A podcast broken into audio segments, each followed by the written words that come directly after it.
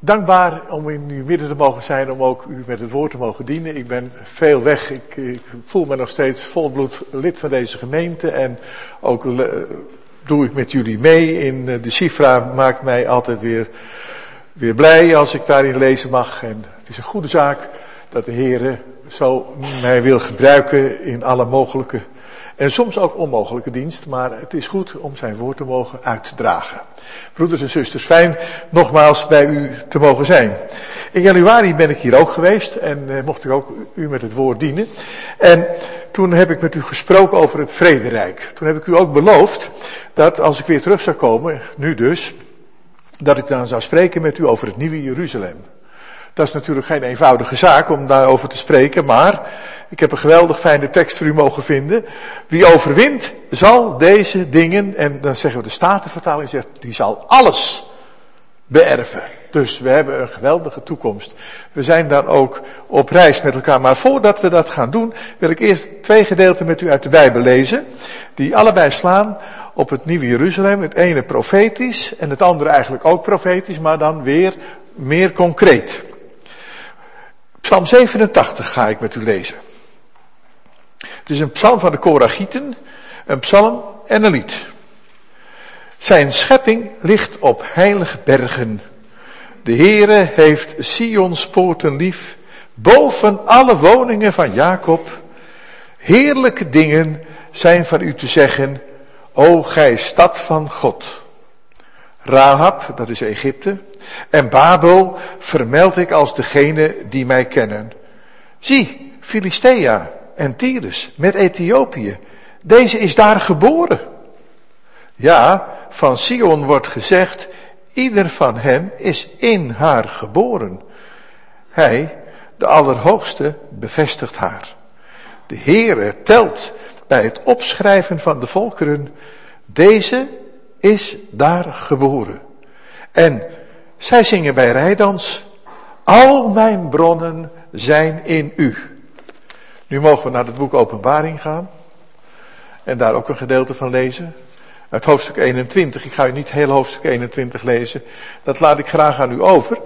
Als u thuis bent, want u krijgt van, uh, van mij een preekschets mee. Althans, mijn vrouw Annie eh, zal die aan u uitdelen na, uh, tijdens de koffie. Zullen we dat maar zo zeggen.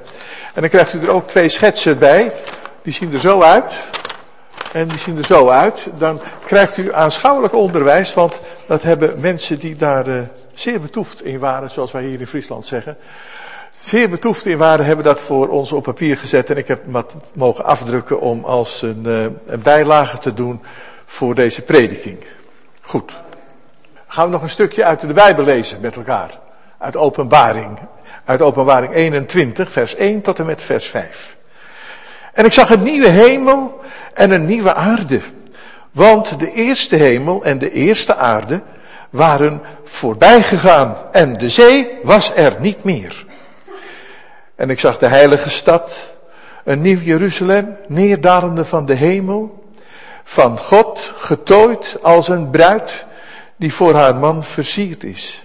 En ik hoorde een luide stem van God zeggen van de troon, zie, de tent van God is bij de mensen en hij zal bij hen wonen. Zij zullen zijn volken zijn en God zelf zal bij hen zijn. En hij zal alle tranen van hun ogen afwissen.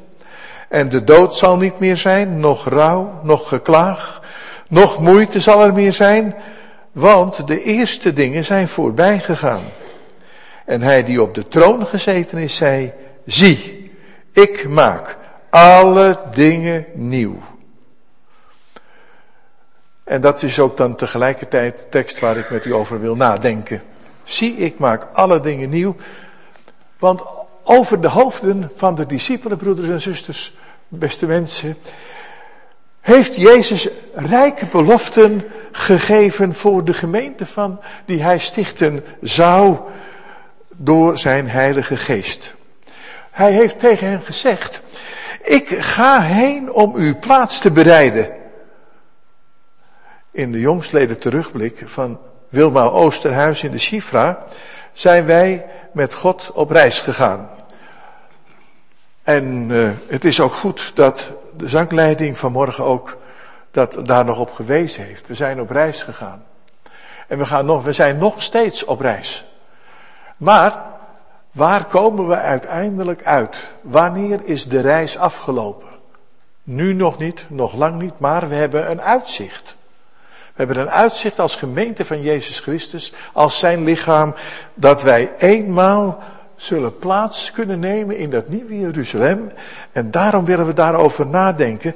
Zij heeft eh, in de Shifra geschreven die centrale bede. Waar u bent, Heer, daar wil ik zijn. Dat is de beste plaats. En zo is het ook. Dat is de allerbeste plaats. Dat is dat nieuwe Jeruzalem.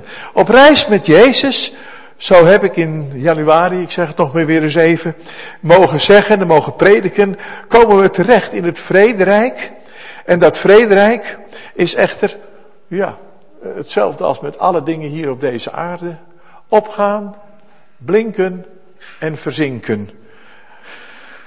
Daarna, als dat vrederijk daarmee is beëindigd, zal God de eerste, oftewel de eerdere hemelen, en de eerste, oftewel de eerdere aarde, door vuur reinigen. Zegt 2 Petrus 3, vers 12 en 13. Uitzien naar de dag van God die zal aanbreken, wanneer de hemelen brandende zullen vergaan en de elementen in vlammen opgaan en de aarde wordt blootgelegd.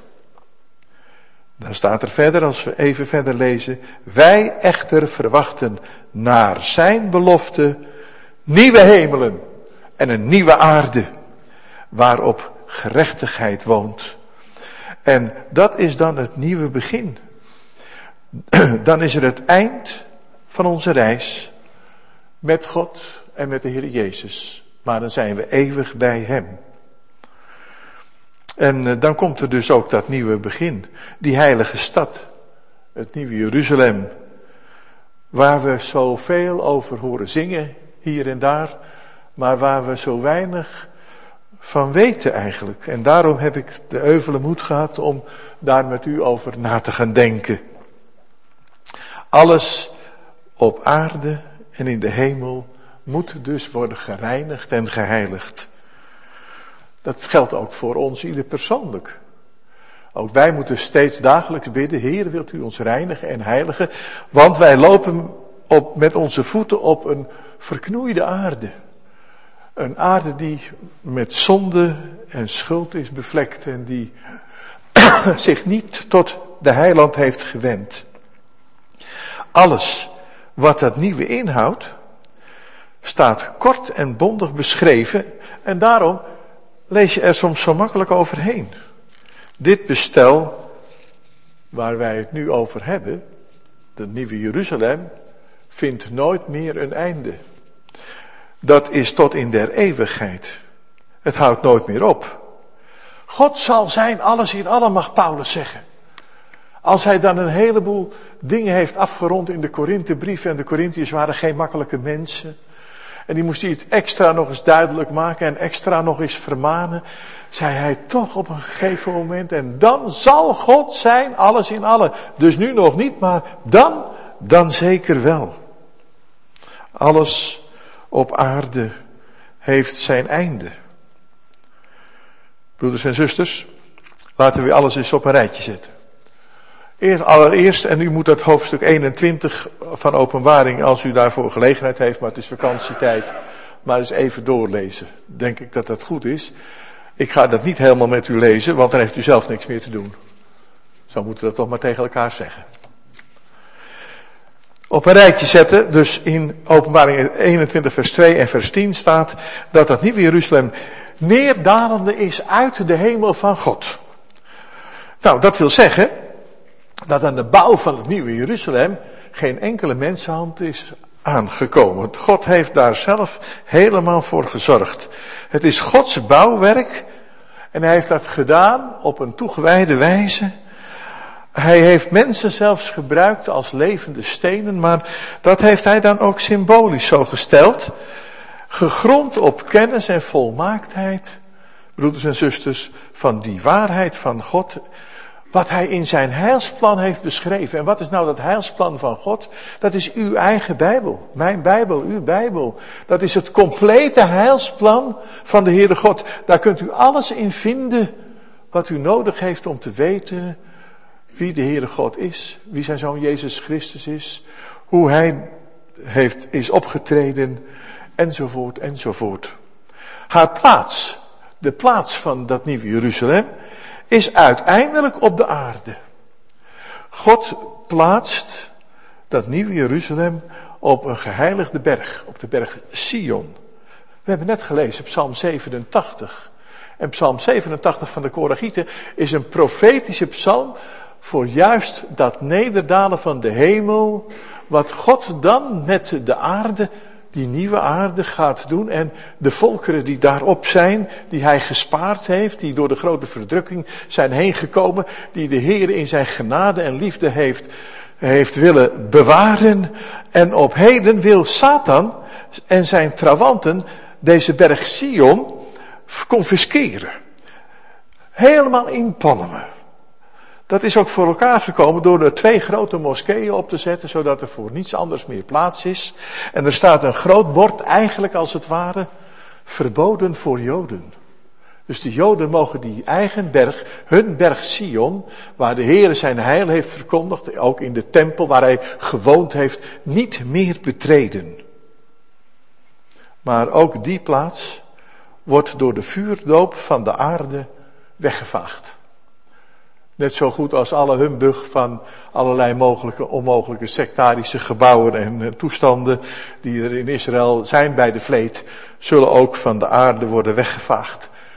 Er staat zelfs dat alle bergen zullen verdwijnen en de hoogste berg zal zijn de berg Sion.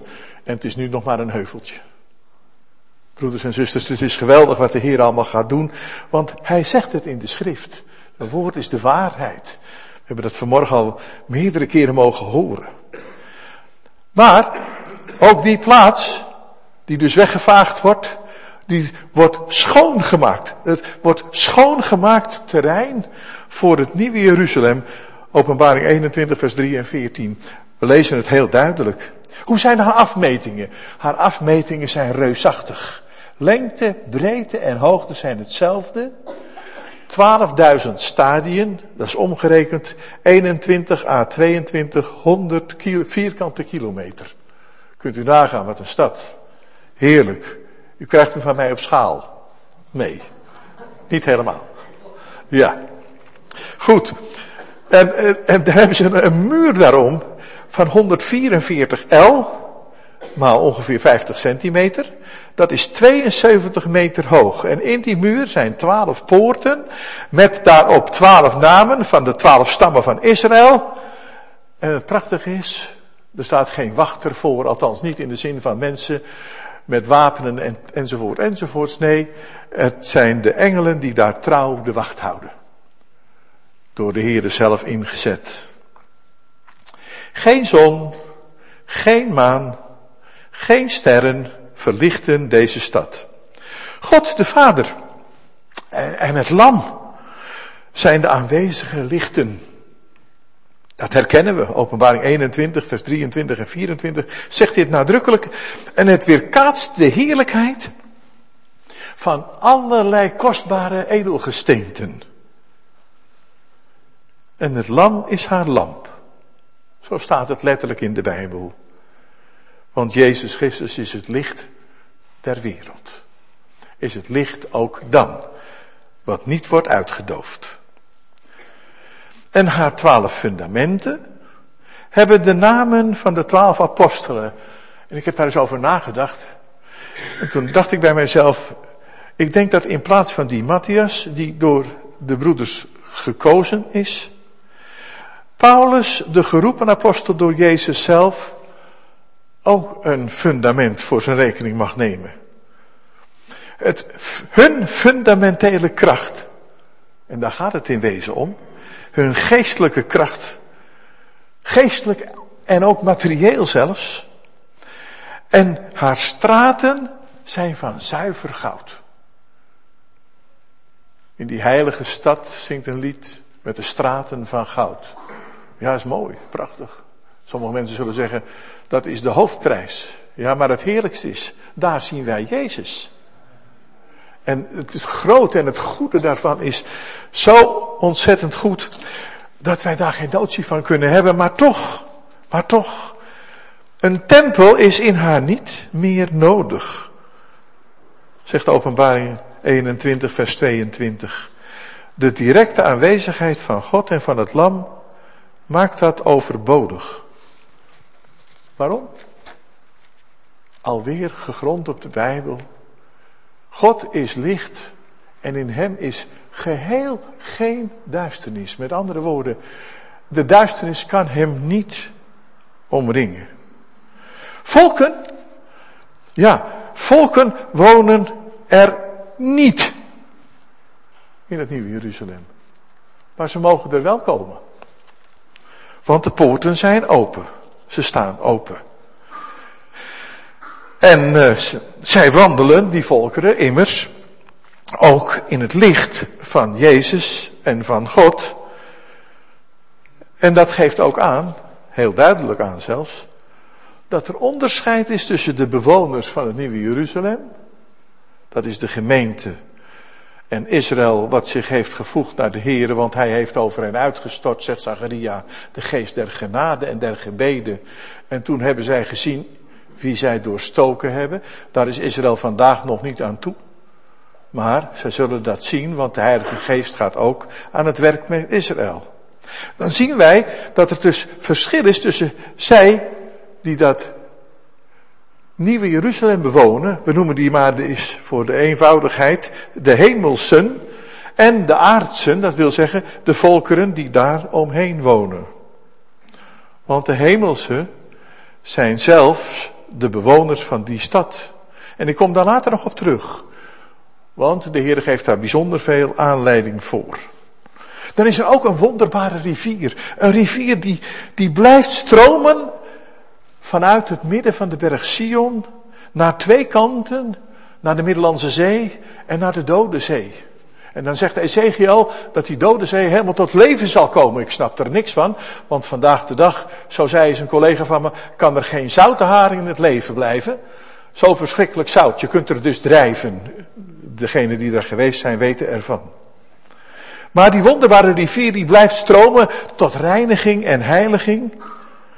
En ook in het vrederijk ziet Ezekiel 47 vers 1 en 2 deze rivier. Deze meer aards dan deze nieuwe waar, we over, waar wij het over hebben, meer geestelijk is. Dus het gaat hier ook in eerste instantie om levend water, geestelijk en ook letterlijk. En dan is daar het geboomte des levens.